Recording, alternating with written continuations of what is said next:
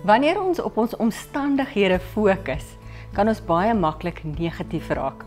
En daarom is dit so belangrik om op God te fokus. Paulus gee vir ons in Filippense 4 baie goeie raad. Hy sê as ons besorg is oor iets, moet ons bid daaroor. Dan sê hy ook hoe ons moet bid. Hy sê ons moet met danksegging bid. So ons moet onmiddellik God vertrou dat dit wat vir ons gevra het, dat hy dit vir ons sal gee, uitkoms sal gee ons moet hom volkome vertrou. Maar dan gaan Paulus nog verder en hy sê dan moet ons fokus op die mooi in die lewe. Dit wat waar is, dit wat edel is, dit wat prysenswaardig is. Daarop moet jy fokus wees. Dit staan in Filippense 4.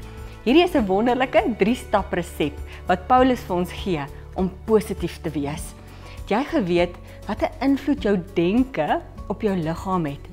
Nuutste navorsing toon dat as 'n mens die woord nee vir minder as 'n sekonde voor iemand flits terwyl hy 'n breinskandering kry, dan wys daardie breinskandering dat daai persoon onmiddellik stresshormone vrystel wat sy logika aantas, wat sy spraak aantas, wat hom angstig maak, wat hom mense minder laat vertrou. Kan jy dit glo? Net deur die woord nee vir minder as 'n sekonde voor iemand te flits.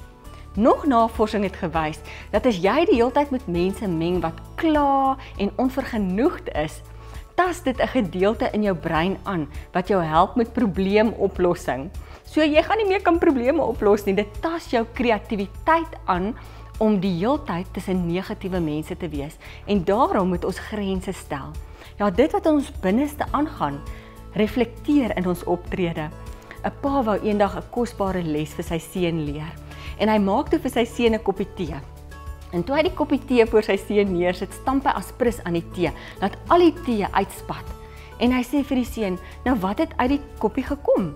En die seun is so half verbaas en hy sê vir sy pa, "Tee natuurlik." En die pa sê, "Wat waar is van hierdie koppie tee, is waar van jou lewe."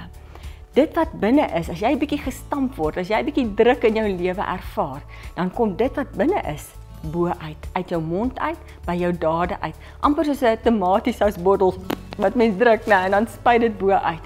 So daarom moet ons so versigtig wees wat ons dink. Paulus sê dat ons met elke gedagte gevange neem en dit aan Christus onderdanig maak. Iemand vertel my nou die dag dat sy 'n rekkie om haar arm bind.